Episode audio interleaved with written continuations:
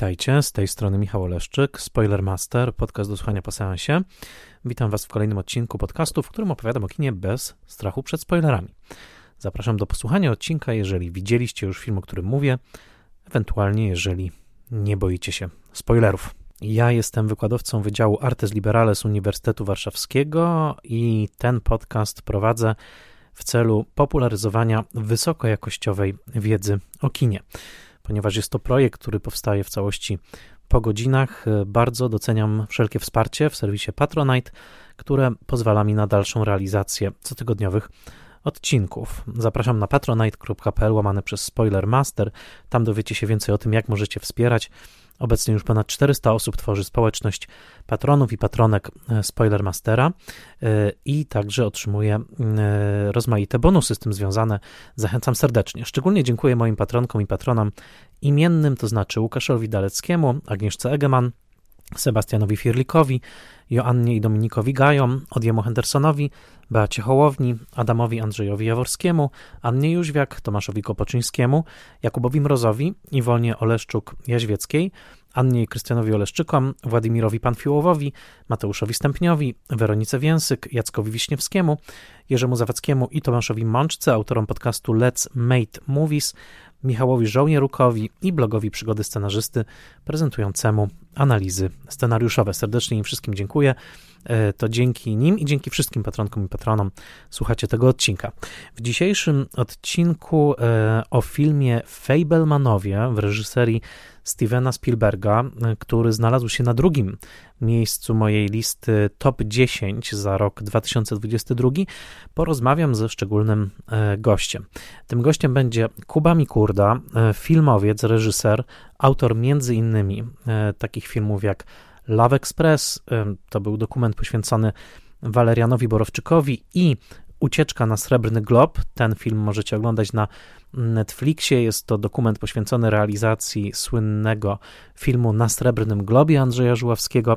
E, Kuba jest także wykładowcą łódzkiej szkoły filmowej i e, moim serdecznym kolegą, z którym zrobiliśmy wspólnie kilka projektów, zwłaszcza projektów książkowych gdzie towarzyszyłem Kubie w rozmowie z reżyserami kina światowego, e, takimi jak Guy Madin, e, to książka, którą wspólnie stworzyliśmy w trakcie wyprawy do kanadyjskiego mistrza, kino wykolejone, ale także bracia Quay e, i Terry Gilliam.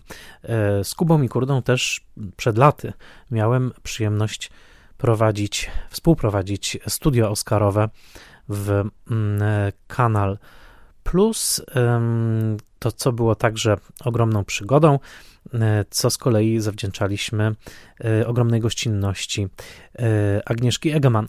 W każdym razie Kuba jest osobą, z którą przez wiele, wiele lat rozmawiam o kinie i w tych naszych rozmowach bardzo często przywoływane jest jedno nazwisko, to znaczy nazwisko Stevena Spielberga.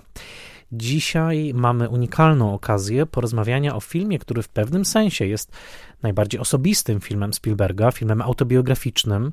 Właśnie film, mowa o filmie Fablemanowie, e, który jest taką jawną autobiografią, jednocześnie rodzajem autokomentarza Spielbergowskiego. Film niesłychanie mi się spodobał i pomyślałem, no, że chyba naj, naprawdę najlepszą osobą, z którą mogę porozmawiać o tym filmie, osobą równie uwrażliwioną na wszelkie Spielbergowskie konteksty jest właśnie Kuba Mikurda, dlatego zaprosiłem go do rozmowy. I e, tutaj chcę szczególnie się ukłonić i podziękować mojemu macierzystemu wydziałowi, czyli Wydziałowi Artes Liberales Uniwersytetu Warszawskiego za udostępnienie e, e, pomieszczenia, przestrzeni, w której ta rozmowa mogła się e, odbyć. E, a zatem, e, tak jak mówię, Kuba bardzo intensywnie działa jako mm, wykładowca w łódzkiej szkole filmowej, więc bardzo się cieszę, że do takiego spotkania między przedstawicielami, no właśnie, Uniwersytetu Warszawskiego i Szkoły Łódzkiej Filmowej mogło dojść. No i cóż, rezultaty już za chwilę. Bardzo, bardzo się cieszę, że do tej rozmowy mm, doszło, e, a zatem przejdźmy już do dyskusji z Kubą i Kurdą o filmie Fablemanowie. i jest już ze mną Kuba Mikurda. Witaj Kuba. Cześć Michał, bardzo dziękuję za zaproszenie. Bardzo się cieszę, że je przyjąłeś i cieszę się, że porozmawiamy właśnie o tym filmie e, Fablemanowie. O tym filmie, to jest ten film. Tak, tak to jest ten film, bo no tak się składa, że przez te wiele lat, kiedy się znamy, często, być może nawet najczęściej w naszych rozmowach jako punkt odniesienia wraca mm, kino Stevena Spielberga. I zacznę od takiego pytania: dlaczego? Dlaczego dla naszego pokolenia, rocznika, e, dla naszej formacji, jak myślisz, dlaczego Spielberg jest aż tak ważny, aż tak e, kluczowy, zanim przejdziemy do tego case'u, jaki mamy przed oczami, czyli właśnie do filmu Fablemanowie? Wiesz, e, kiedyś się nad tym zastanawiałem i e, wydaje mi się, że tu można powiedzieć bardzo mocno, że Spielberg e, jest w pewnym sensie jednym z najbardziej wpływowych ludzi w historii ludzkości. To znaczy, jest to człowiek, który obrazy z własnej głowy potrafił rozplenić po całej kuli ziemskiej do tego stopnia właśnie, że no pytanie na ile to jest pokoleniowe też, prawda? Na ile rzeczywiście dla ludzi nieurodzonych w latach 80. Możemy się Dla do porządku, śmiało przyznać. Jesteśmy obydwaj z tej dekady, tak? Mhm. To są też obrazy no, dość uniwersalne. Ja mam wrażenie, że to są obrazy, które no, wchłaniałem trochę jak powietrze w ogóle, tak? To znaczy w E.T., Indiana Jones, w ikoniczne sytuacje, ikoniczne, w, ikoniczne postacie. E, dla mnie Spielberg równa się kino, tak? E, dla mnie w, Spielberg i Lucas pewnie, prawda? W, gdzieś tam równolegle. Mm, e, to, to, po prostu jest, to po prostu jest kino. Mm, ja myślę też, że mm, mieliśmy to szczęście, że trochę tak dojrzewaliśmy ze Spielbergiem i że być może ta jego ciągła obecność wynika też z tego, że te jego filmy mm, e, odpowiadały mojej przynajmniej wrażliwości na różnych etapach. Tak? Lata 80. E.T., lata 90. w Lista Schindlera, Park Jurajski, tak równolegle w, w roku 93, prawda? Um, Potem, e, potem Wojna Światów, która była też jakąś taką odpowiedzią, takim fantazmatycznym przetworzeniem traumy w 11 września. Ja mam wrażenie, że raport mniejszości, dużo dojrzalszy film, dużo mniej oczywisty, Monachium, film, który gdzieś no, też jakby kolejny po tej wojnie światów rodzaj pracy jakby z, z, z, tym, mm, co się wydarzyło 11 września 2001 roku. Mm, kwestia zemsty i tego, że tam nie popłaca i tak dalej. Więc ja mam wrażenie, że, że dla mnie Spielberg po prostu mm, był zawsze jakoś tam obecny, mniej lub bardziej, ale też nie mam poczucia, że on się zamyka właśnie do jakiejś konkretnej dekady, do jakiegoś konkretnego e, mojego etapu z przeszłości. To jest też tak niezwykły film filmowiec, no trochę jak Andrzej Wajda, tak, który przez cały czas robi filmy. Kiedyś o tym myślałem, że tak, e, wiesz, w zasadzie większość tak zwanych nazwisk, tak zwanych mistrzów czy mistrzyń kina zamyka się dla mnie w jakiejś dekadzie. Francis Ford Coppola, prawda? Robi w rozmowę Ojca Chrzestnego jedynkę, dwójkę um, i e, Czas Apokalipsy, koniec prawda? Mm. Antonioni. Robił coś wcześniej, robił coś później, no ale to jest ta, ta, ta dekada, kiedy jest przygoda, powiększenie, zaćmienie, prawda, gdzieś do zabliskie pointy, jakby wcześniej i później ciekawe, ciekawe, ale generalnie to jest ten moment takiej burzy i naporu i raczej oglądamy wcześniejsze i późniejsze filmy kontekstowo. A u Spielberga to trwa i trwa i trwa i trwa y, i tak jak mówił y, Wajda, albo szuka scenariusza, albo jest w montażowni, albo jest na planie, prawda? I przez cały czas jakby to życie w, w filmie się mm, toczy. I to jest mi się dość niezwykłe, że właśnie, że to jest twórca, który faktycznie nie traci jakoś, e, nie, ma, nie mam wrażenia jakiegoś epigoństwa albo tego, że zdecydowanie właśnie lata 80. to jest ten moment naj, najmocniejszy. Nie? Spielberg się rzeczywiście bardzo ciekawie mm, rozwija, mimo tego, że tych współpracowników też ciągle trzyma tych samych, prawda? Janusz Kamiński, Michael Kahn, montażysta, prawda, od lat, teraz też montażysta Fablemanów, John Williams, czyli te osoby, które stawiają też trochę ten film dźwiękowo, montażowo, wizualnie, prawda? To są te same osoby, a jednak te filmy ciągle jakoś tam ewoluują. To jest niesamowite. Te długie współprace, to też pewnie o tym wspomnimy. To jest 50. rocznica pierwszej współpracy Johna Williamsa i Stevena Spielberga. O, mm-hmm. o ile pamiętam, to już jest chyba. Szczęki, nie? Yy, tak, dokładnie. Ich 30, 30 filmów już ponad, tak? Wow. To jest naprawdę, naprawdę niezwykłe.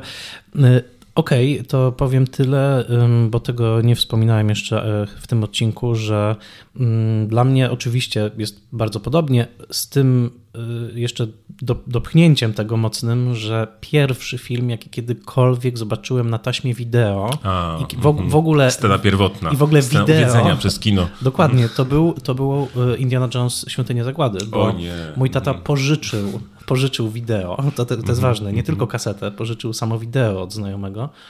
I y, była piracka kopia właśnie mhm. Świątyni Zagłady, którą z bratem obejrzeliśmy tego popołudnia dwa razy pod rząd. Mhm. Bo no, chyba nie muszę wyjaśniać dlaczego, było to, to totalne zanurzenie w, tak. tym, w tym spektaklu.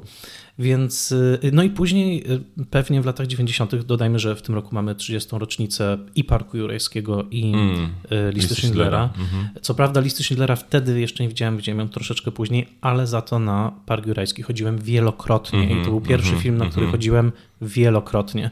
Więc i na małym, i na dużym ekranie, no across the board, że tak, tak powiem, Spielberg, faktycznie wrócę, wrócę do twojej pierwszej myśli, uwiódł nas obrazami, mhm. spektaklem, uwiódł nas swoją wyobraźnią szerzej. I teraz y, Spielberg wraca do własnego dzieciństwa, kręci własne origin story, tak można by mhm, powiedzieć, mhm. językiem superbohaterskim. Y, mówił o tym filmie od wielu już lat. Mhm. Wielu lat mówił, że jest taki projekt. Wiedzieliśmy, że taki projekt jest. Czy on, co ciekawe, mówił też trochę, że bał się go zrealizować za życia swoich rodziców, że jakby, że dopiero Ciekawe. to odejście mm -hmm. jakby dało mu ten komfort, żeby mówić o tych sprawach, o których mówi w tym filmie, zaraz powiemy. No i kolejna długa współpraca, która zaczyna się od Monachium, to jest współpraca z, z Tonym Kushnerem, mm -hmm. świetnym dramaturgiem, wybitnym scenarzystą. Anioły no w Ameryce, prawda? Anioły w Ameryce, mhm. dokładnie. I od, od Monachium w zasadzie oni niemal stale e, współpracują. E, no i dostaliśmy tych Fablemanów, tak? Y, no, żartobliwie to przetłumaczyłem jako państwo bajeczni, bajeczni. Bo, bo, to mhm, nazwisko mm -hmm. nawiązuje do bajki. Mm -hmm. Powiem tak, no, jak, jak odebrałeś ten film? O czym on dla ciebie najbardziej jest? Na początek, a potem to mm -hmm. rozbierzemy na części, na części pierwsze. No tak jak powiedziałeś, to jest zdecydowanie w origin story. Mm, dla mnie to... To, to, to jest fascynujące. Nie, nie, wiem, na ile to jest fascynujące, w, na ile to będzie fascynujące w, dla Państwa, którzy w, nie jesteście takimi Spielberg-frikami jak, jak my. E, ale myślę, że ta historia absolutnie jest uniwersalna i ona się opowiada też bez tego kontekstu z Spielberga. Absolutnie nie trzeba tych filmów znać. Natomiast dla mnie mm, fascynujące było najbardziej to, że Mam wrażenie, że bardzo wielu filmowców i filmowczyń, a być może po prostu artystów i artystek, ma taki swój architekst, taki jakieś, y, taką opowieść, którą zawsze chcą opowiedzieć i nigdy nie opowiadają jej wprost. David Lynch na przykład opowiada Czarnoksiężnika z Oz. Ostatnio był taki dokument właśnie w Lynch Oz właśnie, gdzie rzeczywiście twórca Aleksander Filip pokazywał, że tak naprawdę takim tekstem, wokół którego krążą w zasadzie wszystkie narracje Lyncha jest Czarnoksiężnik z Oz. Dla Terry Gilliama to jest Don Quixote, prawda? Ten Don Quixote, którego on przez lata próbował zrobić. No i co ciekawe, kiedy go zrobił, no to to było trochę rozczarowanie, prawda? W, i, i, I tych przykładów jest więcej niż, niż mniej, prawda? I, i, I tutaj jakby ta historia rodziny, kryzysu rodzinnego, ojca, w konfliktu między ojcem a matką, ojca nieobecnego, mm, ojca, który mm, e, fokusuje się na własnej karierze i emocjonalnie jakoś nie jest dla tych dzieci dostępny, mm, e, no to to, to wszystko oczywiście u Spielberga zawsze było, prawda? I, I ja się tego filmu obawiałem pod tym kątem, e, że kiedy zobaczymy ten architekst, ten urtekst, jakkolwiek byśmy go nie nazwali, opowiedziany no niemal jeden do jeden, to znaczy ja sceny, które tam się pojawiają, na przykład scena finałowa, nie zdradzimy teraz, jaka to jest scena. M możemy. Możemy, tak, tak, możemy tak, zdradzić, tak. czyli scena, kiedy Spielberg spotyka Johna Forda. E, ja tą scenę słyszałem w wywiadach, opowiedzianą mniej więcej tak samo, jak to, to potem jest na ekranie, ze szczegółami właśnie o tym, że on miał właśnie ten e, w, ślady ust na, w, na twarzy właśnie, że co, co powiedział szminkę, i tak dalej, szminkę, tak. W, więc te rzeczy po prostu no, wyglądają na przeniesione jeden do jednego z, z, jego, z jego wspomnień. Mm. E, I e, obawiałem się tego właśnie, że może się okazać to po prostu nieinteresujące i takie self-indulging, takie bardzo jakby no... Mm, Sentymentalny? Sentymentalny, właśnie takie trochę pobłażanie samemu sobie, prawda, jestem tym mistrzem, więc teraz to już w zasadzie wszystko mi wolno, jestem, jak to kiedyś powiedziałeś, jedynym niezależnym filmowcem, tak, to znaczy w tej chwili pewnie Christopher Nolan jeszcze jest kimś takim, tak, który może zrobić cokolwiek tak naprawdę. Więc mogę zrobić cokolwiek, mogę zrobić, mogę wam e, opowiedzieć historię w gwiazdorskiej obsadzie ze świetną oprawą jakby swojego dzieciństwa, mm, w, bo mogę. E, ale to, to jest bardzo mm, niezwykły, wciągający, mm, wzruszający i intrygujący film.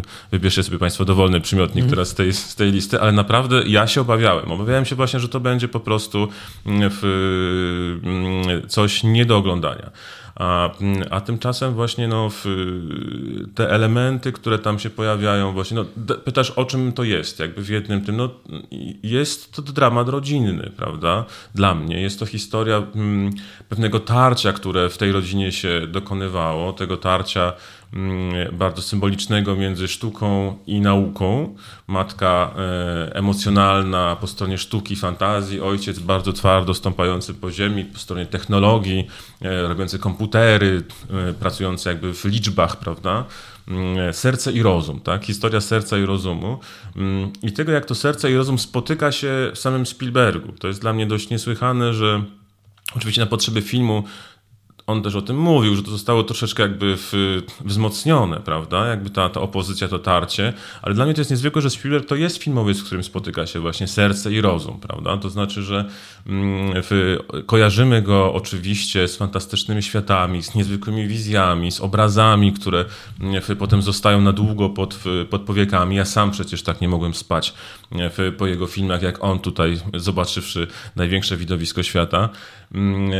I, e, e, ale z drugiej strony jest ten aspekt technologiczny, tak? Spielberg to jest wynalazca, to jest człowiek, który, no, okej, okay, to Lucas wymyślił Industrial Light Magic, ale Spielberg jakby korzystał z tego przez całe, przez całe lata, czyli to jest też takie myślenie o kinie właśnie, no jednak jako pewnego rodzaju też y, technologii, czymś, co trzeba przez cały czas, no James Cameron jest też takim twórcą, prawda, że jak chcemy zrobić coś nowego w kinie, to musimy sobie wybudować nową kamerę, musimy wybudować sobie, wymyślić nowe mm, sposoby w, mm, pokazywania, mm, musimy w, pójść właśnie w ten aspekt technologiczny.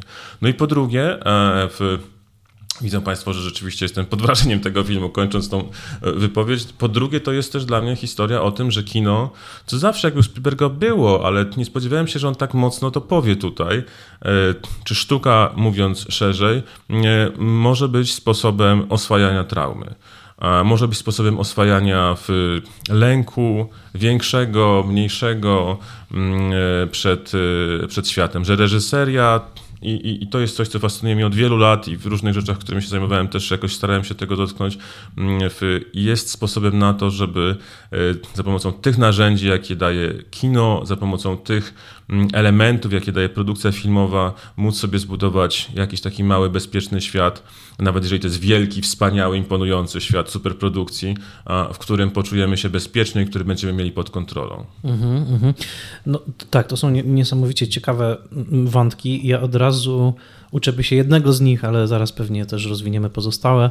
To znaczy tej właśnie opozycji, jak to nazwałeś, serca i rozumu, ja bym to jeszcze rozszerzył, takiej inteligencji powiedzmy inżyniersko-technicznej, mm -hmm. którą tu reprezentuje ojciec i inteligencji wiem, emocjonalnej, społecznej trochę. Społecznej, mm -hmm. muzycznej, mm -hmm. takiej właśnie artystycznej, którą tutaj reprezentuje matka. To jest niesamowicie dla mnie ciekawe, bo natknąłem się na różne recenzje, które różnie waloryzują te dwa bieguny. znaczy, dla niektórych ten film jest bardziej o tym, że wygrywa mhm. ta strona, nazwijmy to matki, tak. a dla niektórych jest to, że jednak żeby tworzyć takie kino jak kino Spielberga, była bardziej potrzebna ta strona, mm-hmm, nazwijmy mm-hmm. to właśnie inżynierska.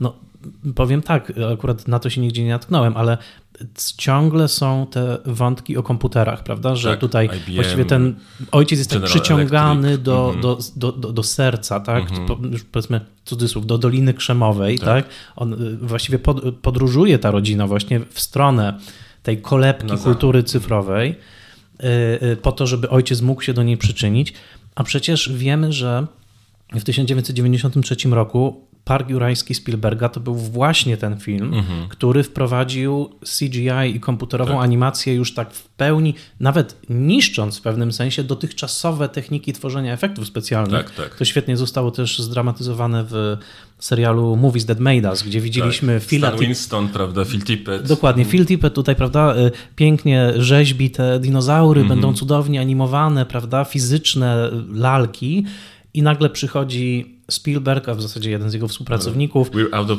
job, czy coś takiego. Tak, że tracimy pracę, bo, mm -hmm. bo Spielberg mówi, aha, jeżeli jest możliwe tworzenie tych obrazów komputerowo, to ja chcę komputerowo, mm -hmm. bo to jest droga przyszłości. I w pewnym sensie wydaje mi się, że to też jest zwycięstwo tego ojca, mm -hmm. tak? że koniec mhm. końców wygrywa właśnie ten, powiedzmy, umysł, mm, umysł komputerowy. Ale patrząc na sam film, na sam film, na sceny, na, mhm. na obrazy, y, jak myślisz, co ty tutaj widzisz takie zakodowane, jeżeli chodzi o prezentowanie matki, mhm. jeżeli chodzi o prezentowanie ojca, o sceny, o obrazy, to jak ty czujesz tą równowagę, że tak powiem, w tym, czy może brak równowagi właśnie? No właśnie, myślę, że to jest brak równowagi. To znaczy, y, tam jest ta pierwsza scena, zanim oni przychodzą y, do, y, do kina na największe widowisko świata Cecila Demila, prawda? Tak. Kiedy oni tylko tak obracają między sobą właśnie, matka mówi, kino jest tym i mówi właśnie o tym aspekcie właśnie emocjonalnym, a on mówi, a ojciec mówi o tym aspekcie takim bardziej tak, tak, tak technicznym. Tak, tak, Mam wrażenie, że to jest taka scena to też jest no, pewnego Pierwotna? Rodzaju, scena pierwotna właśnie, Aha. tak, ale tam jest kilka scen pierwotnych w ogóle. Mm, ale taka właśnie dramaturgicznie bardzo... Mm, bardzo sprawna, gdzie w tej pierwszej scenie zawiera się cała, cały dalszy przebieg filmu. Gdzie Włącznie z tytułem filmu Demila, prawda? Największe widowisko świata, świata, oczywiście. Tak? No. Tak. To, że on tak jest obrotowo właśnie, patrzy na jedno, patrzy na drugie. Komu wierzyć, jakby, kto mówi prawdę. To, to w, i, i, i myślę, że mm, e, że ten film też, bo powiedziałeś, że, że on mógł powstać dopiero po, mm, po śmierci rodziców, e, bo jeżeli przyjrzymy się twórczości Spielberga, mm, to rzeczywiście widać wyraźnie, że mm, po pierwsze tam tej matki w zasadzie nigdzie nie ma. Nie ma matek w filmach Spielberga. One są jako postacie tam drugoplanowe, są jakby w, jako towarzyszki i tak dalej, ale to są filmy głównie o ojcach, prawda? Na ogół scenariusz jest taki właśnie, że ojciec na początku jest słaby jakoś, albo, mm, a potem zyskuje sprawczość na nowo. Mhm. Tak, Szczęki są takim filmem na przykład, prawda? Że właśnie, że Roy Scheider jest takim troszeczkę a, w, no, niepoważanym szeryfem, nikt za bardzo go tam nie traktuje poważnie.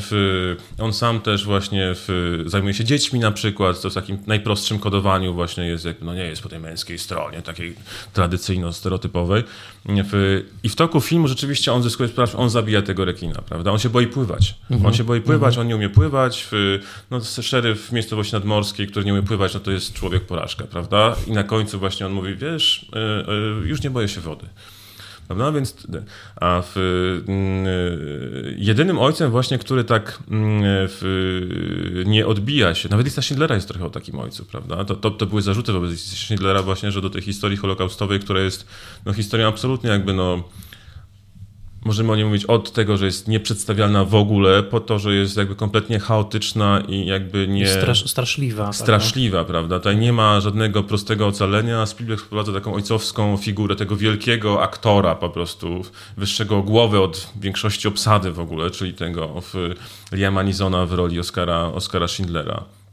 W... Co daje filmowi happy end, bo to Co też daje był taki paradoksalny happy end. Właśnie, zarzut, prawda? że to jest film tak. o Holokauście z happy endem. No, w Parku Jurajskim tak samo. Sam Nil, który tam to jest troszeczkę tak kolanem dopchane właśnie, że on w książce tego nie ma, a w, że on jakby też w toku e, tych przygód e, w Parku Jurajskim dojrzewa do roli ojca, prawda? Przytula te dzieci, wyrzuca ten pazur, którym straszył tego dzieciaka na samym początku. Jakby to huk o, o ojcu właśnie, który jest biznesmenem, który w, nie ma czasu dla swoich dzieci, no i w toku filmu dowiaduje się, że jest Petrusiem Panem, prawda? Jakby przytula to swoje w, w dziedzictwo, tą swoją tożsamość i dzięki temu może, może zwyciężyć. Prawda? To są takie filmy.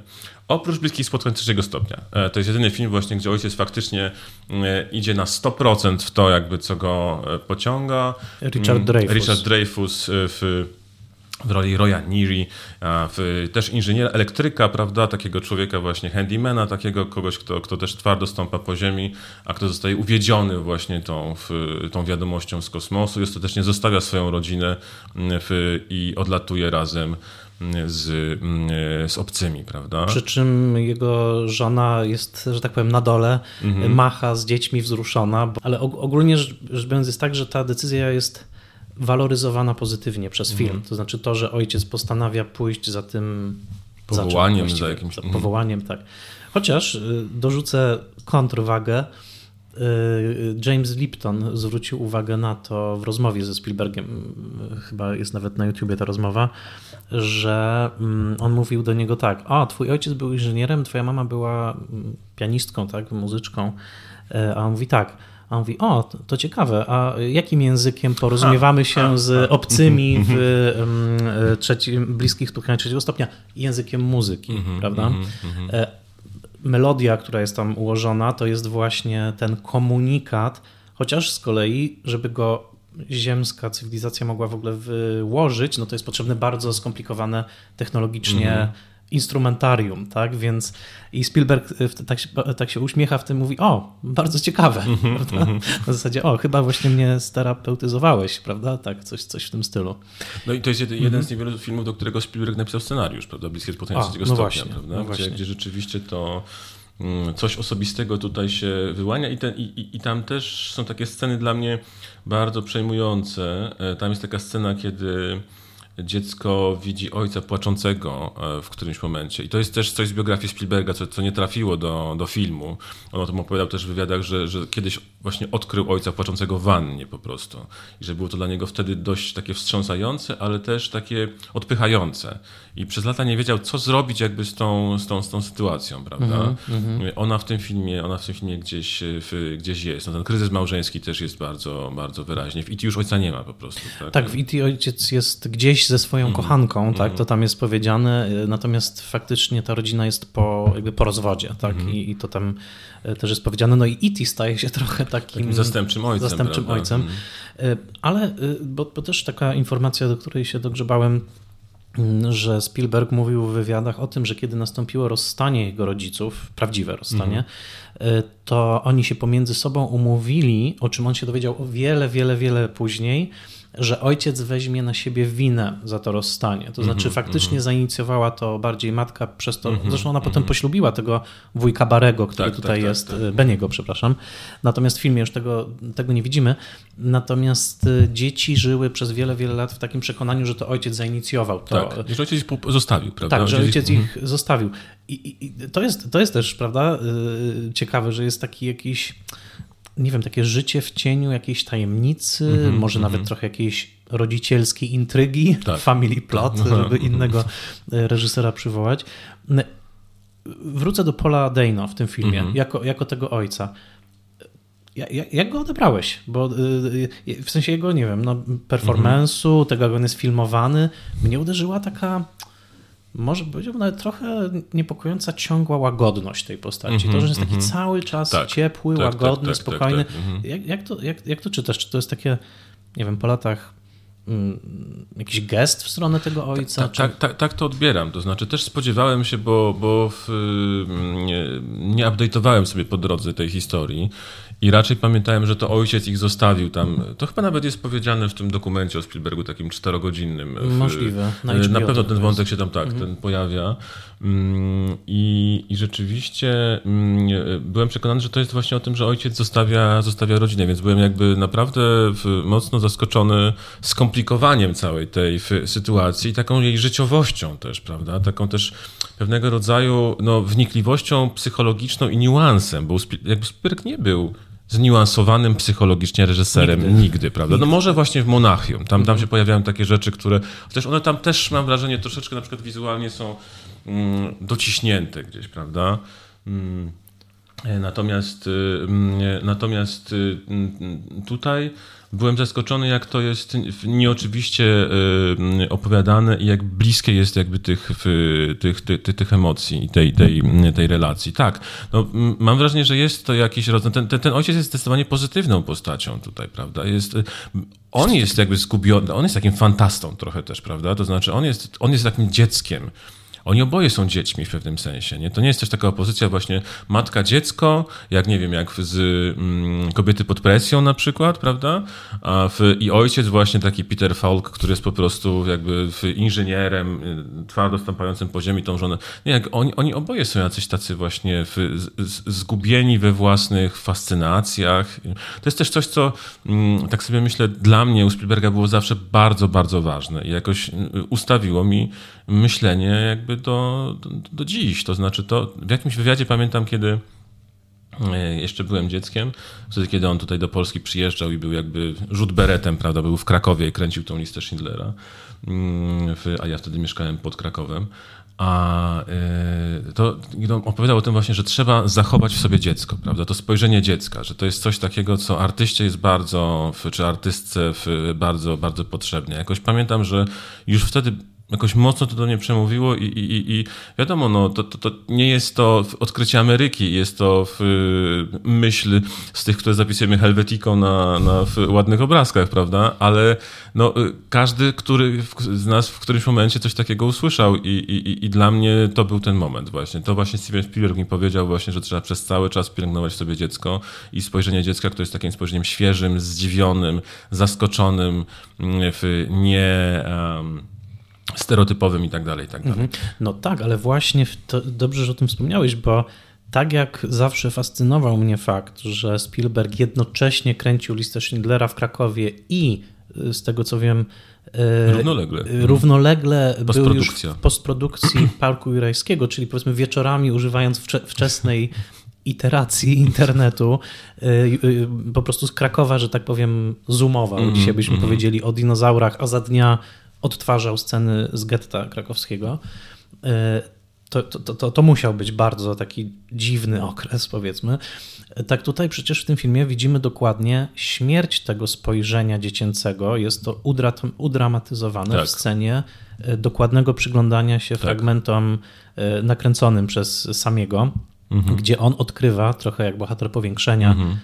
Antonioniego, że tam w tym materiale filmowym jest pewien ślad, no właśnie czego? Czy to jest ta trauma? Bo chyba w tym momencie on już nie może patrzeć jak dziecko mm -hmm, na te sceny, mm -hmm, prawda? Mm -hmm. Bo widzi, że matka i wujek Benny, tak. że jest jakaś relacja między mhm. nimi, tak? No, zapewne seksualna, to potem, to też ciekawe, że to potem zostaje jakby tam... Rozbrojone. Matka mówi, nie, nie, nie, my nigdy nie. Nigdy nie poszliśmy mhm. tak daleko, prawda? E, e, to, to jest też ciekawe, bo to też jest wybór scenariuszowy, prawda? Że ona tak, że ona tak mówi, czyli mhm. jakby Spielberg jednak ocala jej tutaj e, taką integralność, tak, czy, czy, czy prawość. No ale czy to, czy to jest właśnie trochę o tym, że to spojrzenie dziecięce, takie zachwycone mhm. na naszych oczach po prostu siada? Tak, tak. To, to, to jest bardzo intrygujący moment tego filmu i, i to, że e, no to jest pewnie jakiś tam midpoint, wydaje mi się. To jest taki punkt zwrotny, gdzie rzeczywiście jakby wszystko szło w jedną stronę, a potem nagle być może pójdzie w kompletnie inną, bo Spielberg mówi, e, czy sami w tym filmie, nie będę już kręcił filmów, prawda? To znaczy jakby ten, ta utrata niewinności ta utrata e, tego dziecięcego spojrzenia równa się dla niego mm, odrzuceniu kina w ogóle, prawda? I e, to jest ciekawe, że on e, potem w tym filmie, który konstruuje mm, z tego biwaku, oczywiście wycina te sceny, prawda? Gdyby ten film robił Michael Haneke na przykład, to by to było tylko o tym, prawda? Albo Lars von Trier właśnie, o tym, że młody człowiek konfrontuje rodzinę, właśnie organizuje tą sytuację i pokazuje im jakby zobaczcie teraz tylko to, tak? I to jest pewien wybór artystyczny, to znaczy, że w, już nie naiwny właśnie, to już nie jest naiwne spojrzenie, ale że jednak jakby sztuka powinna być o tym, tak? To znaczy sztuka nie powinna ranić, sztuka powinna raczej ocalać, sztuka powinna raczej fikcjonalizować niż pokazywać traumatyczną um, prawdę jeden do jednego. Tak? Mhm. Dlatego dla, dla mnie to jest o tym, dlaczego Spielberg nie jest twórcą dokumentalnym. Tak? To znaczy właśnie to jest jakby twórca, który zawsze będzie tą rzeczywistość zaczarowywał. Pamiętasz taki finał filmu e, Angali Życie Pi, prawda? Kiedy mm -hmm, tam w, w, oglądamy niesłychaną właśnie wizję przez cały film, a potem się okazuje, że tego wszystkiego nie było, prawda? To znaczy, że ta rzeczywistość była dużo bardziej brutalna w, i nie było żadnych tygrysów, żadnych łodzi, żadnych gadających małp, w, tylko po prostu w, zabójstwo, głód, trauma i tak dalej. Mm -hmm. No i on pyta, którą wersję wolisz, tak? Mm -hmm. Czy mhm. która wersja jest dla Ciebie bardziej budująca? Czy właśnie to, że będziesz pamiętał to, czy to, że my to jednak jakoś tak przetworzymy, żeby to było dla Ciebie, żebyś pamiętał o tej traumie, ale z drugiej strony w taki sposób, który nie będzie dla Ciebie niszczący? Mhm, mhm. No to tak i też... Yy wiesz, mi się skojarzyło ten moment, kiedy on właśnie tak y, bada materiał, który sam mm -hmm, nakręcił, mm -hmm. no, niemal pod lupą, dokładnie tak, pod tak, lupą. Tak, to jest tak, zresztą tak. jeden z tych mm -hmm. obrazów, które reklamują ten film. Oko, A, okay. oko samego mhm. poprzez lupę, prawda, mhm. powiększone. Um, pomyślałem sobie, że w ogóle Spielberg tak jakby w swoich filmach szuka często takiego mikro jakiegoś elementu, jakiejś takiej małej cechy, jakiegoś, nie wiem, dosłownie detalu, który może być właśnie jakoś nie wiem, interesujący, czy, czy ocalający, czy wręcz przeciwnie, szokujący. Myślę na przykład o takiej rzeczy, wiesz, masz ujęcie w liście Schindlera tłumu w getcie, czarno-białe mm. i nagle ten czerwony, tak. słynny y, płaszczyk, prawda? Czyli gdzieś w tym obrazie jest zakodowane coś, czego nie widzimy na mm -hmm, pierwszy rzut mm -hmm, oka, mm -hmm. ale co się okazuje niesłychanie niesłychanie istotne, co też w tym przypadku jest historią jakąś, powiedzmy, indywidualnego bólu tak. zderzoną z tym bólem takim ogromnym, y, y, zbiorowym. I to chciałem zderzyć z tą sceną dla mnie naprawdę zaskakującą w tym filmie. Naprawdę nie wiedziałem, że tak to się rozegra. Oglądania tego filmu, który on nakręcił w trakcie Dnia Wagarowicza, mm-hmm. czy jakkolwiek się to tam nazywa, Ditch Day, tak, tak, tak, e, tak. Na, na plaży. Mm-hmm. Już pomijam, że jest to scena na plaży. Kojarzy mi się to z inwazją na plaży w e, szeregowcu Rajanie. I ze szczękami się kojarzyło, czekałem tylko Słusznie, na... oczywiście, oczywiście, aż tam pojawi się rekin. Ale to, to, to, co mnie tam absolutnie zdziwiło, ktoś swoją drogą porównał to takie wyidealizowane pokazywanie tych, tych silnych chłopaków tak, tak, protestancko, tak. blond, blond z Reni, Leni Riefenstahl i mhm. Olimpiadą. Ale okay. co jest zaskakujące, co jest zaskakujące, że ten chłopak, który zostaje tam przedstawiony najlepiej, tak, tak, tak. że on jest tym załamany, tak. Mhm. że jemu się to nie podoba. Mhm. Dlaczego, jak myślisz? Co tam się dokładnie dzieje? Znaczy, co, co sami zrobił tym filmem, mm takiego, że ten mężczyzna patrząc na ten ekran poczuł się niepewny, mm zaatakowany, może podważony, ale w taki nieoczywisty sposób. No, yy, on, to, to jest rzeczywiście bardzo ciekawa scena, jakby na, na bardzo wielu poziomach też. Yy to, to też to, że on to tak jakby roz, roz, rozbija, tak? To znaczy ten chłopak, który jest bardziej prześladowczy, zostaje jednak wyśmiany jakby w tym, w tym tak, filmie. Tak, tak. Mm, a ten, który no, no pobił go owszem, ale nie był tym prowodyrem, prawda? Nie był takim... Był po prostu spontanicznym antysemitą, a nie wyrachowanym antysemitą jak tamten drugi mm, e, zostaje mm, jakoś przez ten obraz no tak e, e, apoteozowany wręcz, prawda? No, o, to, to, on, on sam mówi właśnie, że on go skonfrontował z jakąś taką wizją jakby idealną jego samego, do której on nigdy jakby nie, nie dociągnie, prawda? Że mhm. to jest jakaś taka fikcja właśnie, którą no, skonfrontował go być może z jakąś taką fantazją o nim samym, którą ludzie mają albo którą on, on ma, ale wie, że ona nie jest prawdą, prawda? Ja, ale, tak, ja tak to Ale to jest ciekawe, właśnie, że to jest dla niego nieznośne. Nie? Tak, tak, tak. No to wiesz, to, to Takie... właśnie tak na zasadzie, że w, to, to nie jest na, na, narcyz taki, taki mhm. typowy, nie? Mm, dla którego tego rodzaju właśnie e, obrazy wzmocnienia, no to tylko jakby grają do jego, do, do jego bramki. Mhm. Tak, to jest, to jest zaskakujące. Ja byłem przekonany, że on rzeczywiście poklepie go po plecach i mu podziękuje i powie jakby wow, prawda?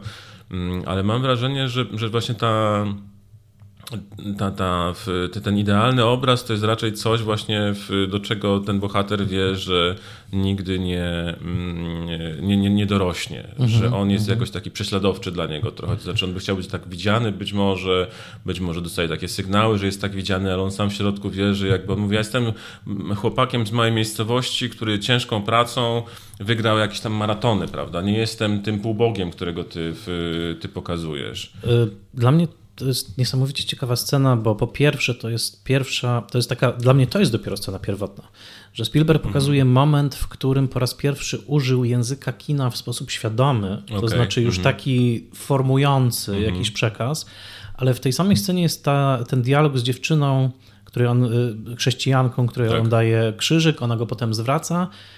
Wydaje się, że już, już te dwa światy, bo to, to jest też ważne w tym filmie, ta, ta żydowska tożsamość, prawda? Tak, po raz pierwszy też tak wyartykułowane. Tak, e, po raz, e, ja bym powiedział, że po raz drugi od listy Schindlera, bo zwróciło Tak, na mnie uwagę, Mhm. że pierwsza scena listy Schindlera to jest chyba palenie hanukowych świec. świec, mhm. i tutaj to też się powtarza. E, I mamy przez moment taką myśl, bo oczywiście film jest też o antysemityzmie, prawda, o tym uprzedzeniu, z jakim się spotyka żydowska rodzina, m, żydowski chłopak w Kalifornii, lat Kalifornii. 60. Wśród, wśród wysokich, y, jak sekwoje, tak, y, y, y, kalifornijczyków, łaspów. Ale co ciekawe, i wydaje się przez pewien moment, że może te dwa światy da się jakoś pogodzić, że może on w ogóle będzie miał, prawda, dziewczynę z tego, z Tak, tego świata. tak, tak, tak. Okazuje się, że, że jednak nie, że te światy są dosyć rozdzielne. Ale to, co robi sami w tej scenie, czyli tworzy ten idealny obraz tego właśnie idealnego łaspa, to jest przecież to, co przez kilka dekad robili żydowscy producenci, tacy jak e, Louis B. Mayer na przykład, prawda, w Hollywood. Zresztą Neil Gabler napisał o tym książkę, prawda, e, że, że chcieli wyidealizować tą Amerykę właśnie tą protestancką, taką, taką, taką e, zwyczajną, żeby się też jakoś wkupić po prostu, żeby Okej. zapłacić Mhm. frycowe, Mhm. tak, Mhm. za to, że słuchajcie, zaakceptujcie nas, a my będziemy kręcili te wszystkie idealne filmy o idealnych rodzinach, powiedzmy o Endym Hardim, tak, które Mhm, potem oczywiście mhm, musiały mhm. być zdekonstruowane. I tak sobie myślę, że może Kushner i Spielberg e, też jakby medytując nad swoją tożsamością jako żydowskich artystów e, w Stanach, Mhm, ale już mhm. oczywiście w zupełnie innym punkcie niż lata 40. czy nawet 60. Tutaj pokazują coś takiego, że to, to była strategia wtedy, Mhm. tak? Właśnie, że zobaczcie, my wam zbudujemy Hollywood. Tak. Mhm. Jak wiemy, w Hollywood prawie w ogóle nie powstawały filmy na tematy żydowskie. To był temat tabu, mimo że większość producentów była pochodzenia żydowskiego. I tutaj tak myślę, że to jest takie trochę pożegnanie się właśnie z tym, z tym dominującym w pewnym momencie taką strategią, prawda? Że my tutaj wam zbudujemy idealne przedstawienie, prawda? Wy protestanci przede wszystkim, tak? A wy może nas polubicie, tak? Natomiast tutaj okazuje się, że to jest o wiele bardziej, o wiele bardziej skom- skomplikowane. Ale zapytam cię o ten film jeszcze, ten Ditch Day, bo to mnie za, zafascynowało. Tam jest dosyć mocny element upokorzenia tego drugiego. Tak. Tego. Mhm.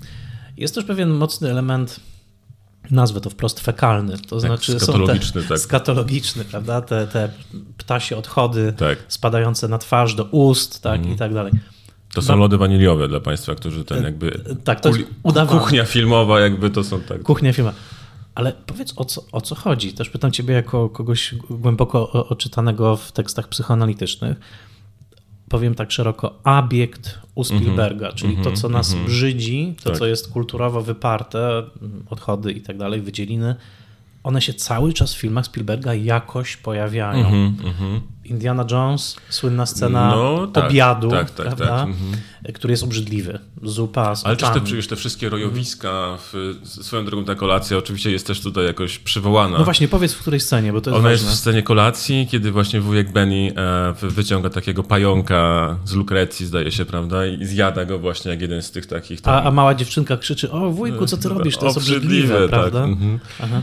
E, mm, Zresztą tych takich e, easter eggs, właśnie takich nawiązań do, do filmu Spielberga jest tutaj kilka, ale na szczęście nie za dużo. Tak, ja się Mhm. tego też obawiałem, że to będzie tak właśnie jakby wink, wink, prawda, zobaczcie. Takie E, sweet, zakładam, tak, takie- mhm. zakładam kapelusz tutaj, o, Indiana Jones, proszę bardzo, wujek miał beach, prawda? Mm, Nie, nie, nie, nie, nie, aż tak nie jest. Są chłopcy na rowerach, muszą być, E, są skauci w, w, na pustyni, E, okej, muszą być, jest rojowisko skorpionów.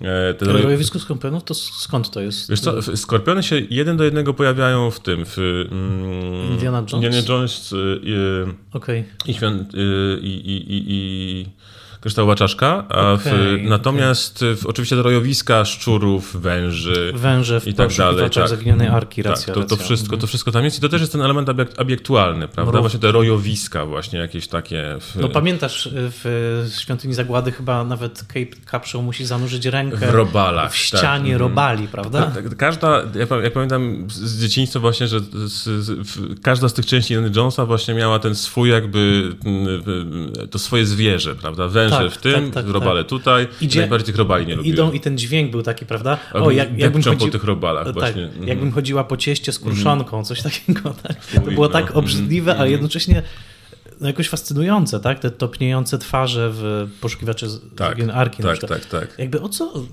o co Wie, chodzi? wie, wiesz co, no, znaczy Spielberg też nigdy, mm, chociaż to jest podobne pokolenie, jak ci filmowcy, którzy w, gdzieś weszli w body horror właśnie, czy kino klasy B w latach 70. Nie, Natomiast ja mam wrażenie, że u niego to jest zawsze tak, wiesz, zawsze jednak jest to jakoś y, mocniej obudowane i takie, w, on nigdy nie poszedł w pełną makabrę właśnie, w jakiś gore właśnie, w, w, w szczękach na przykład. Chociaż to jest dokładnie ten czas, kiedy to by się mogło zdarzyć, prawda? Oczywiście jest tam ta głowa, która, w- ten jumpscare słynny właśnie ta głowa, która wypływa jakby Króciutki moment, Króciutki tak. moment, Tak, prawda? tak, tak.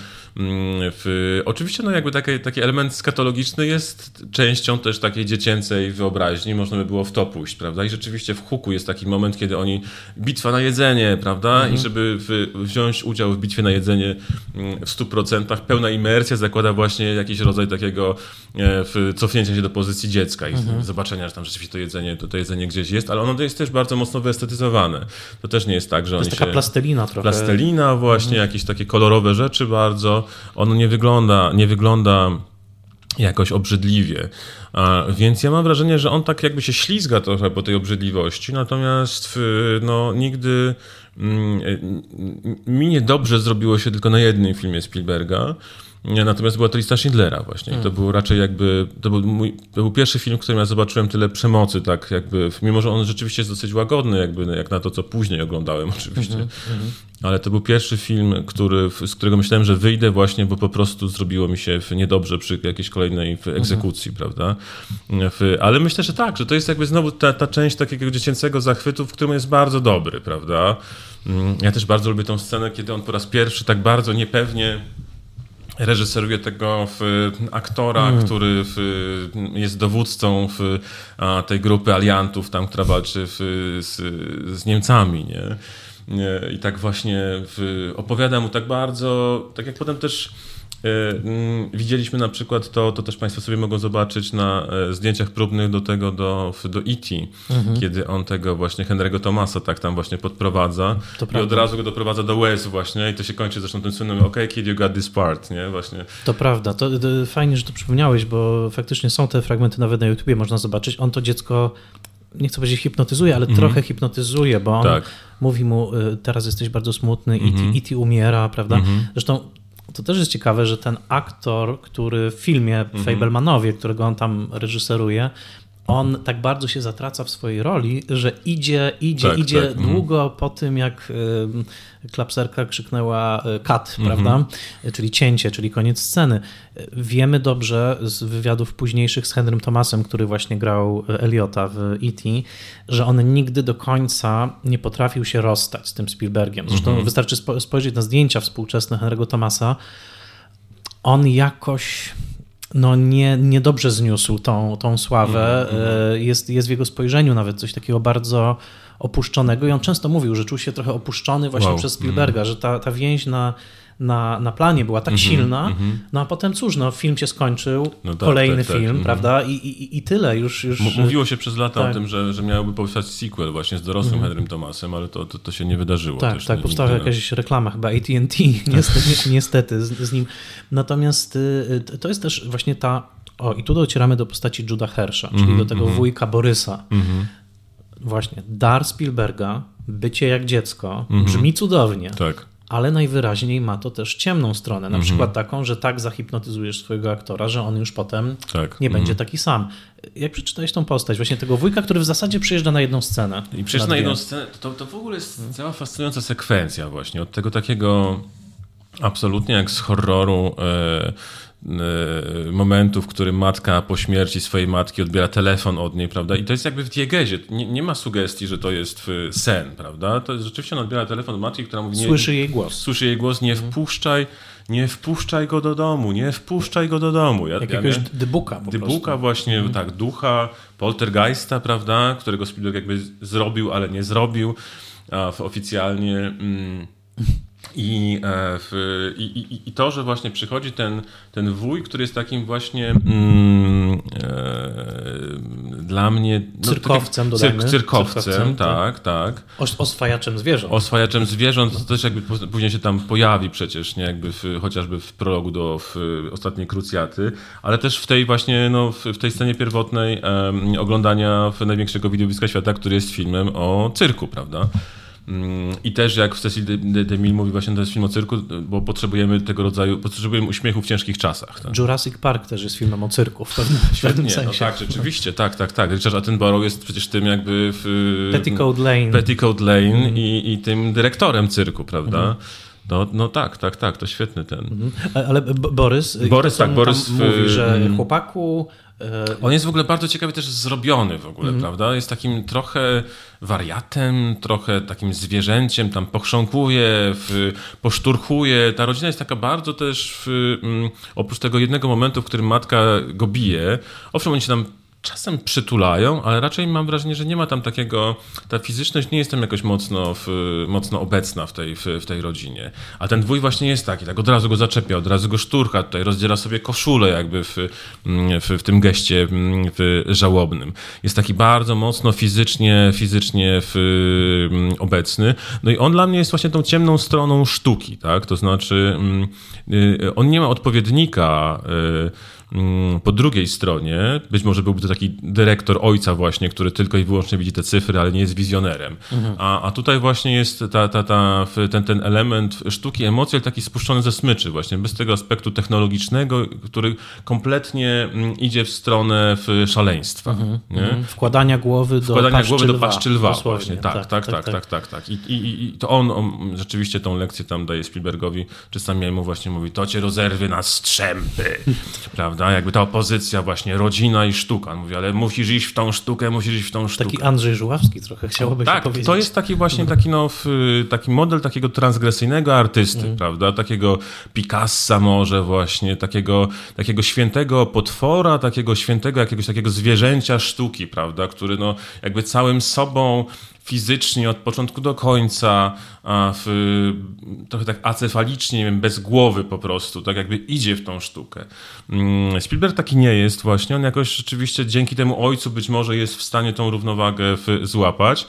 Natomiast no, mamy taki mit artysty, prawda? Mhm. Ty mówisz o Andrzeju Żuławskim, ale właśnie pewnie też jakby no, w całym takim panteonie jakby tych świętych potworów sztuki dałoby się coś takiego znaleźć. Co ciekawe, na końcu no ten John Ford, y, który jest bardzo podobnie ustawiony właśnie, prawda? To znaczy też jakiś taki aspekt um, fizyczny się tam pojawia, takiej, takiej, takiej fizyczności trochę odpychającej, on właśnie prycha to cygaro, rozpala, dymi tym cygarem w ogóle, prawda, tak nie może go odpalić, więc jak taki smog w ogóle tam jakby pochrząkuje, ma też ten, te, te, to o czym wspomnieliśmy, czyli ma te odciski ust, czyli jakaś kobieta, jakiś seks być może się przez chwilę wydarzył, prawda, E, tam w zasadzie jakby seksu nie ma w, tak, w, tak, w, tak. Tym, w tym filmie.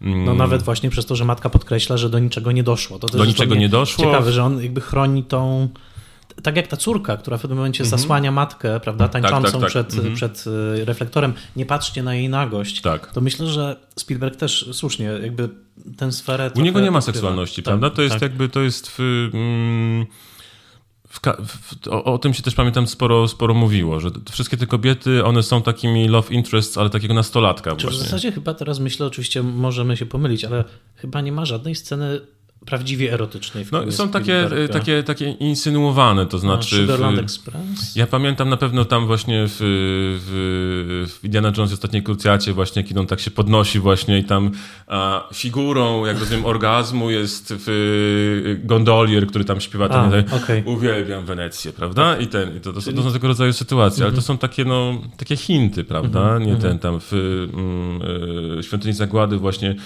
Indiana Jones dotyka rzeczy rzeźby, mm, bo chcę znaleźć jakieś tam przejście racja, właśnie, racja. a Kate Capshaw mówi Indie, ale jestem tutaj, nie? Więc to są te, te, tego, tego rodzaju jakby rzeczy. Bardzo, bardzo, mhm, bardzo w, mhm. niewinne właśnie, tak, tak jest wyobraźni tak, tak, tak. nastolatka. E, to jeszcze e, ci pomęczę o tą figurę właśnie mm, matki, bo jest taka dziwna scena w tym filmie. E, w ogóle w filmach Spielberga jest dużo dziwny, dziwnych scen, które, które można się dłużej zatrzymać. Mianowicie scena pozbawienia matki pazurów. To znaczy ta scena, w której ona gra e, oh, wow. swój utwór, mm, prawda? Mm, Słyszymy jej uderzenia tych paznokci tak. Mm, na, na klawiaturze. I zaczyna się taki dziwny żart wujka Beniego, mhm. na zasadzie musimy ci obciąć paznokcie, żeby mhm. ich nie było słychać na antenie, mhm. prawda?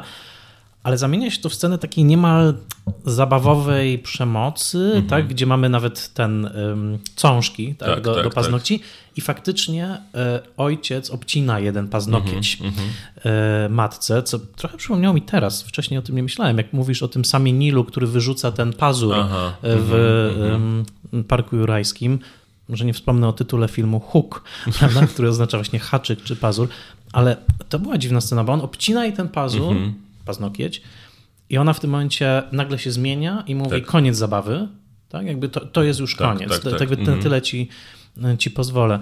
Mm, czy, czy gdzieś, i, aha, i do, to, to jakby do tego bym dodał, i o to cię najbardziej chcę pytać, tą dziwną scenę, kiedy syn wprowadza matkę do swojej szafy mhm. i wyświetla jej film. Tak.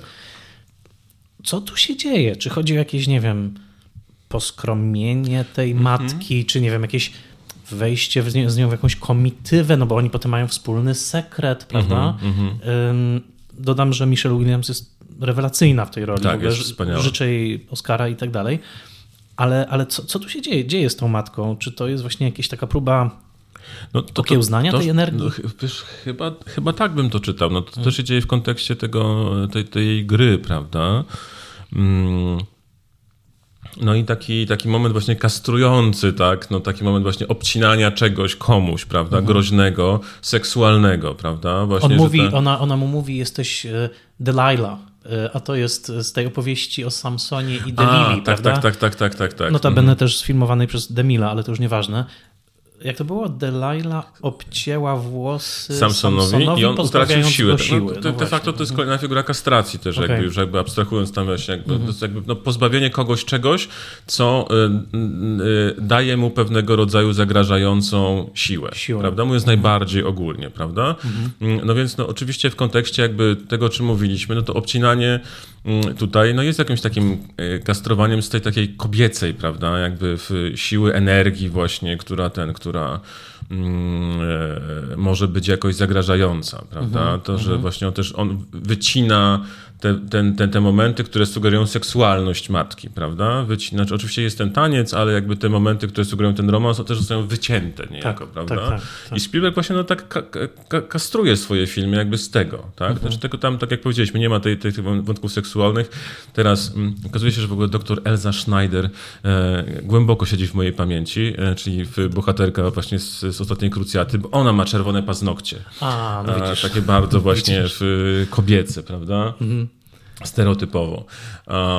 Więc być może, no, no, pewnie tak dałoby się to czytać, nie? Właśnie mhm. absolutnie też na Parku Jurajskim to też jest ten moment właśnie, kiedy jakby on z takiego groźnego, walczącego w mężczyzny staje się ojcem, prawda? Który jest w stanie kochać, który jest w stanie jakby w, zbudować inną relację z tymi, w, z tymi dziećmi. Huk oczywiście jest jakby zaprzeczeniem mm, zaprzeczeniem Piotrusia Pana, w, ale ale sam też jakby tam, to w ogóle jest bardzo ciekawy film Hook mm. też, jakby Spielberg jakoś go nie lubi, ale... Mm, Musiałbym do niego, do niego wrócić faktycznie, bo przypomnijmy, że tam Robin Williams gra tego Robin ojca. Robin Williams gra ojca, Dustin Hoffman gra Hooka w ogóle, no, nie? Czyli kapitana Haka. Kapitana Haka i ten kapitan Hak w pewnym momencie jakby adoptuje te dzieci. Jest taki moment właśnie, że on rzeczywiście przejmuje te dzieci i jakby ten mały zaczyna mówić do niego tato. Nie? Mm. Więc tutaj coś bardzo, bardzo, bardzo ciekawego się dzieje. Plus jest tam scena a propos tego filmu. Mm, nie wiem na ile to jest easter egg, a na ile to jest właśnie jakiś taki rodzaj fantazji o kobiecości, ale tam jest scena e, w, z Julią Roberts, która gra jedną z najciekawszych postaci kobiecego Spielberga. Racja, zapomniałem o tym. Tinkerbell, prawda, dzwoneczek i ona rzeczywiście jest seksowna, ona rzeczywiście ma bardzo długie nogi, ma taką prześwitującą sukienkę, w, jest też taką dosyć niezależną kobietą właśnie w tym, w tym wszystkim. No jest też Julią Roberts w 91 roku. Oczywiście, Pretty, Pretty Woman. Woman. Mm -hmm, mm -hmm. To, jest, to, to jest ciekawe i ona też gdzieś tam właśnie, przez to, że ma taki glow swój, taki właśnie, taki, taką, taką poświatę, mm, to w, ja myślałem właśnie o niej, kiedy widziałem tę scenę w światłach reflektorów, prawda? W, racja, racja. Coś takiego w takim Taki myśleniu o tym, taniec, świetle, ona dokładnie to mhm. robi właśnie na, na, na, mhm. samym początku. Więc tutaj byłoby coś, myślę, do, e, w, na, jakąś, na, na, jakieś ciekawe połączenie, bo oczywiście, powiedzmy jeszcze o tym, mm, tam y, siostry w którymś momencie mówią młodemu samiemu, dlaczego nigdy nie zrobisz filmów o dziewczynach? Dlaczego zawsze to muszą być chłopcy? I faktycznie no, kino Spielberga to jest kino chłopackie, tak? Jakby jakby rzeczywiście kobiet tam nie ma. Matki, no pojawiają się, co ciekawe właśnie na początku, tak jak powiedziałeś, Sugarland Express, tam jest jakby ta Goldie Hawn, jakby silna figura jakby kobiety, ale potem one Naprawdę zostają jakoś gdzieś zepchnięte, zredukowane. Co ciekawe, właśnie przez to, że miał tyle sióstr, zresztą podobno te siostry są wzorowane rzeczywiście na tym, jak jego siostry się mm -hmm, zachowywały. Mm -hmm u Spielberga jest chyba taki właśnie element, który by ciągnął bardziej w tą kobiecą stronę, mm -hmm. ale on nigdy nie wygrywa, bo jest Drew Barrymore malutka w E.T., która tak. przebiera mm -hmm. E.T.'ego za dziewczynkę, prawda? Mm -hmm. Ona by chciała właśnie, żeby E.T. był dziewczynką, no ale e, kiedy Elliot to widzi, to jest przerażony. Co ty mu zrobiłeś, tak. prawda? Mhm. No trzeba go teraz umyć, bo e, więc, więc to, jest, to jest takie też obecne. Ale jest jeszcze jedno stworzenie w tym filmie, które też, no Chciałbym, żebyś spróbował, żebyśmy spróbowali zinterpretować to małpka, bo, mm -hmm, bo to mm -hmm. jest... Małpka Benny. Powiedzmy właśnie nazwać swoją małpkę tak jak swojego niedoszłego kochanka, no dobrze, też, też interesujące. Tylko w rodzinie Spielbergów, Fablemanów. Tylko w rodzinie Fablemanów, dokładnie. Natomiast musi paść to słowo, czy, czy to jest film o depresji? Czy to jest film mm -hmm. o mhm. depresji i próbach radzenia sobie z nią? Oczywiście przez matkę. Mhm. Matka jest chyba w klinicznej nawet depresji tak, w pewnym tak, momencie, tak, nie tak, wstaje z tak. łóżka, mm -hmm. nic już nie jest w stanie robić, kupuje tą małpkę, bo to będzie mm -hmm. jakiś zastępnik, tak, ale też, nie wiem, jakieś wprowadzenie elementu życia, nieprzewidywalności, buduje klatkę, ale nie może jej mhm. zbudować, mm -hmm. prawda? E, jak, jak, jak ty przeczytałeś tą, tą figurę? Bo przecież w filmach Spielberga jest mnóstwo takich śmiesznych zwierzątek, prawda? Tak, no, tak. No, małpka jest w, w poszukiwaczach zaginionej arki, A, prawda? dokładnie, która nawet spełnia jakąś tam rolę tak, tak, tak, tak, tak, tak. A, też zresztą tam przychodzi do Indiego, który jest w depresji, bo wydaje mu się, że Marion zginęła w, w tam właśnie w zamachu, prawda? Czy tam właśnie racja, w wypadku. Racja, racja. I e, wiesz co, no, te, ten wątek depresji też był dla mnie bardzo, bardzo przejmujący. Jak, jak głęboka była to depresja, jakby tutaj, jak z tego, jak, jak z tego, jak z tego wynika. Mm, I rzeczywiście, no, znowu też to najsłynniejsze widowisko, największe widowisko świata, prawda? Te zwierzęta, które są takimi mm, dystraktorami, które mają jakoś po prostu nam jakby, żeby nie myśleć, żeby, żeby nie myśleć. Taki element właśnie w czystej, slapstickowej wręcz w, mm. rozrywki. No, no, Spielberg gra na y, wielu bębenkach, że pozwolę sobie zapożyczyć E, tytuł e, zbioru opowiadań naszej noblistki. Jeżeli chodzi o rozrywkę, prawda? Jeżeli chodzi właśnie o tą fikcjonalizację, o, o fantazję i tak dalej, od właśnie takiego skatologiczno-slapstickowego, bo przecież nawet w Vienna Jonesie są jakby to takie właśnie w, i głupawe żarty, w, i e, w, intelektualna taka szermierka, w, w ala komedię właśnie z, z Catherine Hepburn. Um, humor ma jakby wiele w, w odcieni, um, sensacja ma wiele odcieni i tak dalej. To wszystko rzeczywiście nas gdzieś jakby od tej rzeczywistości najprostszej w, odsuwa, ale możliwości jest wiele i mam wrażenie, że, że, że ta małpka należy do jednego z tych takich właśnie dziecięco-kartunowych rejestrów. Mm -hmm, mm -hmm. Tak, tak, tak. E, no i chyba jakoś spełnia, spełnia też swoją rolę tą powiedzmy terapeutyczną. Przejdźmy do finału filmu. Mhm. Wspomniałeś już o Johnie Fordzie. Tak w figurze ojcowskiej byłoby nie było. Wcześniej tak. w filmie Sami idzie do kina jest tam wyświetlany człowiek, który zabił Liberty, Liberty Valansa, mhm. czyli co powiedzmy też późny western Johna mhm. Forda, taki, który już właściwie był traktowany niemalże jako anty-western. E, więc widzimy scenę z tego filmu. E, no i na końcu ja muszę powiedzieć, że jestem zachwycony tym castingiem. To tak. znaczy I... David Lynch jako John Ford. Tak. Podobno był to e, w ogóle pomysł partnera E, Tonego Hushnera, mm -hmm. zresztą świetnego historyka kina, Marka Harrisa, który mm -hmm. rewelacyjnie pisze książki o filmie. Natomiast on to wymyślił i podobno to też Laura Dern musiała długo wydzwaniać do Lyncha, żeby go w ogóle do tego przekonać. I co ciekawe, on postawił warunek, teraz wiesz, czy to jest prawda, czy nie, mm -hmm. nieważne. E, jak mówi Liberty Valance, dru drukujcie legendę. Tak. E, otóż on postawił warunek, że na planie musi być ciągła dostawa świeżych Cheetosów. wiesz, tych, tych chrupek Cheetos, tak? W ogóle, w ogóle mnie to nie dziwi, w no, ogóle. Dokładnie.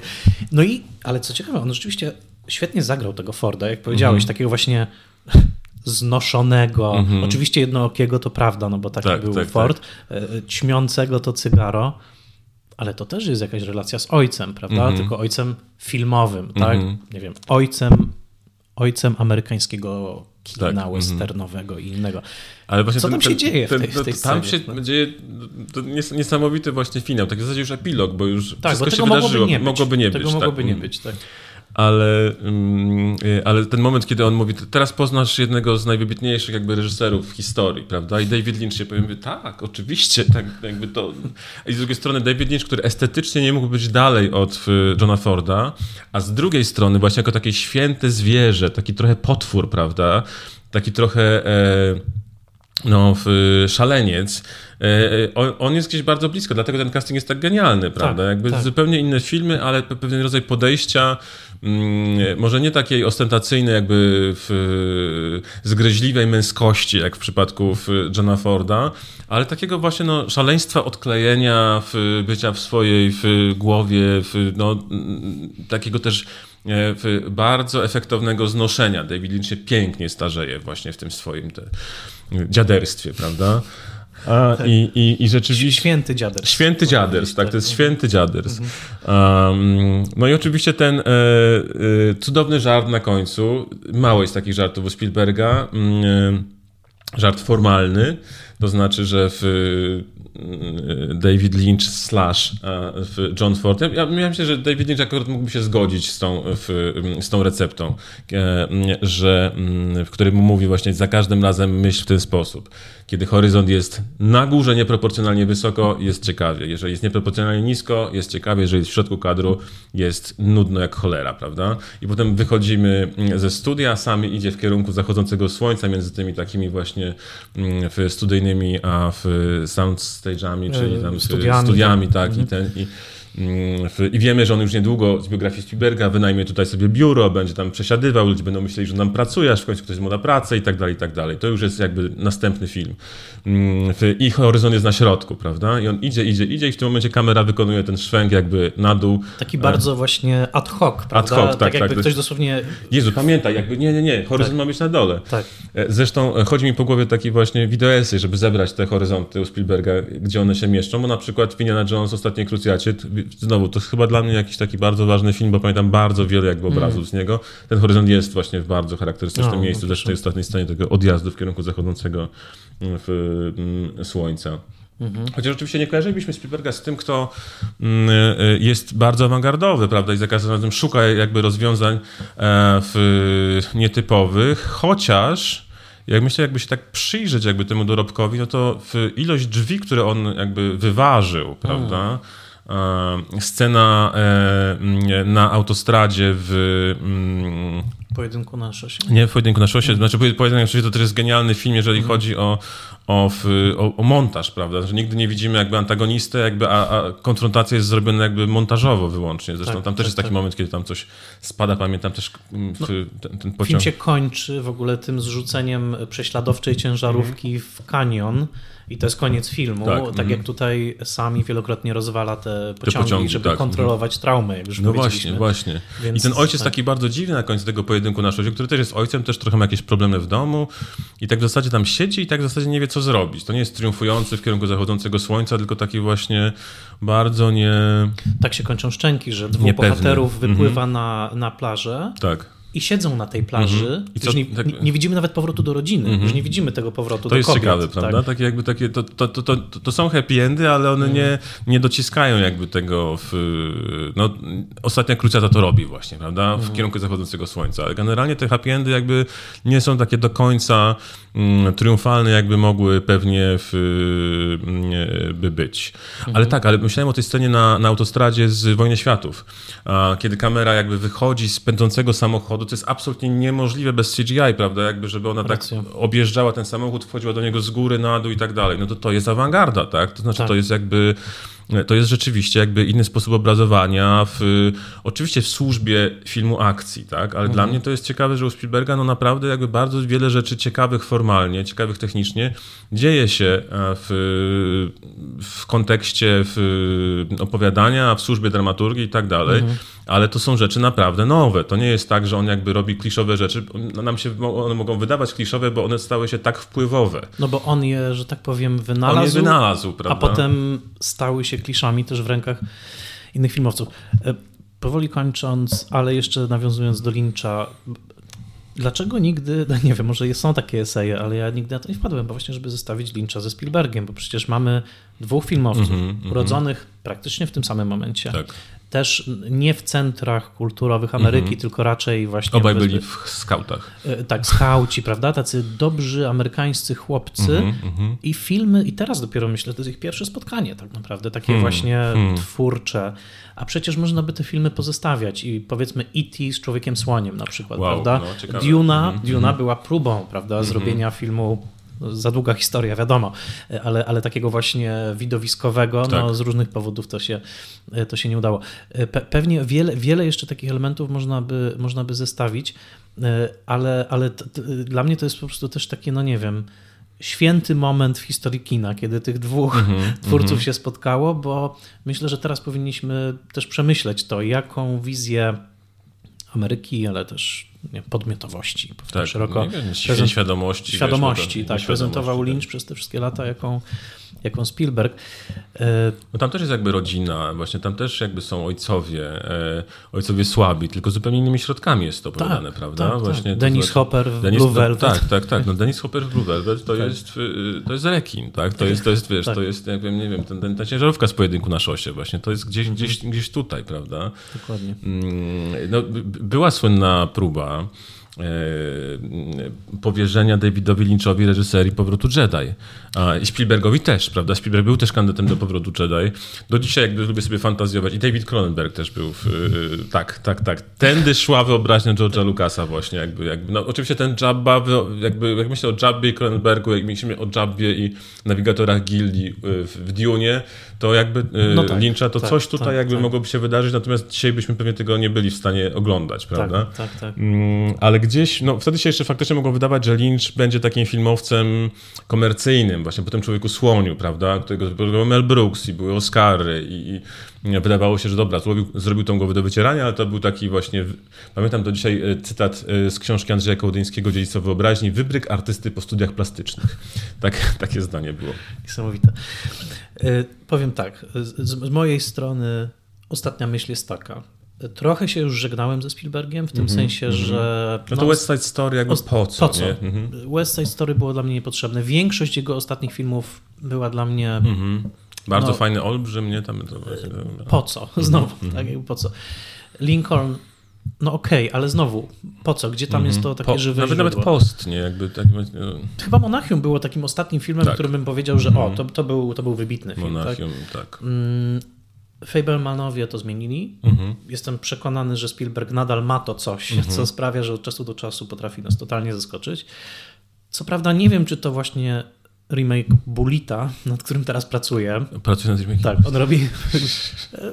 Dla mnie to brzmi trochę West Side Story. Jakby Mhm, po, po co? tak, tak. Ale y, ten film Fablemanowie Mhm. nauczył mnie, żeby jednak, że tak powiem, nie być mądralą, tylko Mhm, zaczekać, mhm, co Spielberg mhm. tym razem pokaże, bo naprawdę uważam, że Fablemanowie to jest jego takie e, późne arcydzieło. No. Mhm, Tak, tak, mhm. tak to, ja to tak, tak widzę. Nie wiem, gdzie ty, że tak powiem, w tym kanonie Spielbergowskim byś ten film umieścił.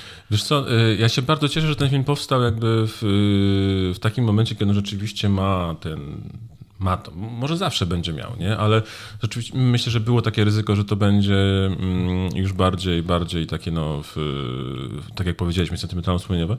Mm, e, Dla mnie tak, to jest, to jest rzeczywiście, rzeczywiście film, który no, trochę wyjątkową pozycję zajmuje, taką metapozycję wobec tych pozostałych, pozostałych filmów.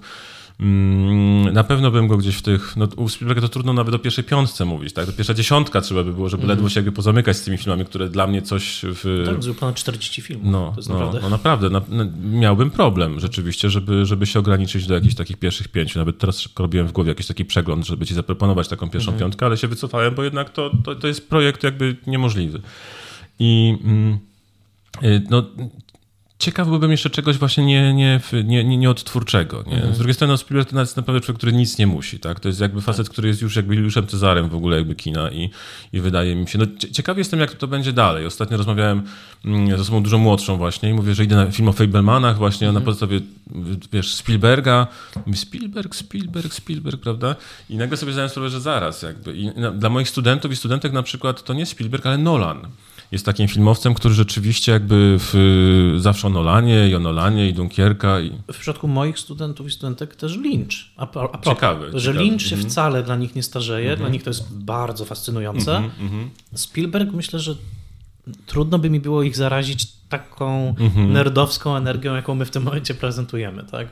Bo oni się jednak z trochę innego momentu. Cie- Ciekawe, gdzie, gdzie on będzie właśnie za, za, za jakiś czas, właśnie tak za 20 lat. Na pewno wśród tych wielkich, mm, w, obok Cecila B. DeMilla właśnie, takich wielkich jakby magów właśnie, ludzi jakby z takiej też e, z, ta, z takiej epoki Hollywood, która Okej, no nie są to lata w, przedwojenne, ale lata 70., kiedy rzeczywiście ten nowy Hollywood faktycznie blockbuster, takim jakim znamy, dopiero się w, wyłaniał, prawda? Mhm.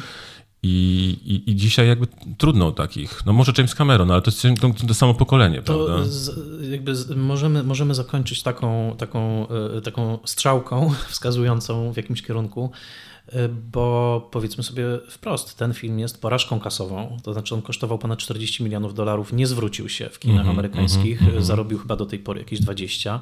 Oczywiście jesteśmy w świecie przeoranym pandemią i trudno w Tak, ogóle mhm. mówić o, on pewnie na, że tak powiem, koniec końców się zwróci, tak, poprzez różne licencje na streamingi i tak dalej.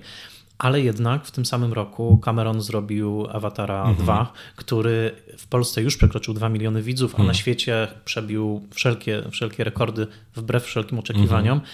I akurat y, złośliwy tym razem wobec krytyka, wobec Spielberga krytyk Armand White powiedział, no właśnie, że to jednak jest dowód na to, że jesteśmy w te, my jesteśmy w tej Spielber- Spielbergowskiej bańce, ale on już nie ma takiego kontaktu z masową publicznością jak, jak kiedyś.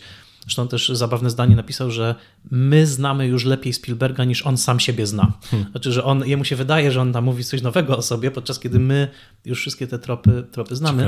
Mhm. Więc y, tak jestem ciekaw, no, że, że mm, być może jest to twórca, który mimo ogromnego wpływu, tak jak Walt Disney w pewnym momencie, Walt Disney też jaki tak. wywarł Mhm. na globalną Tak. kulturę, Mhm.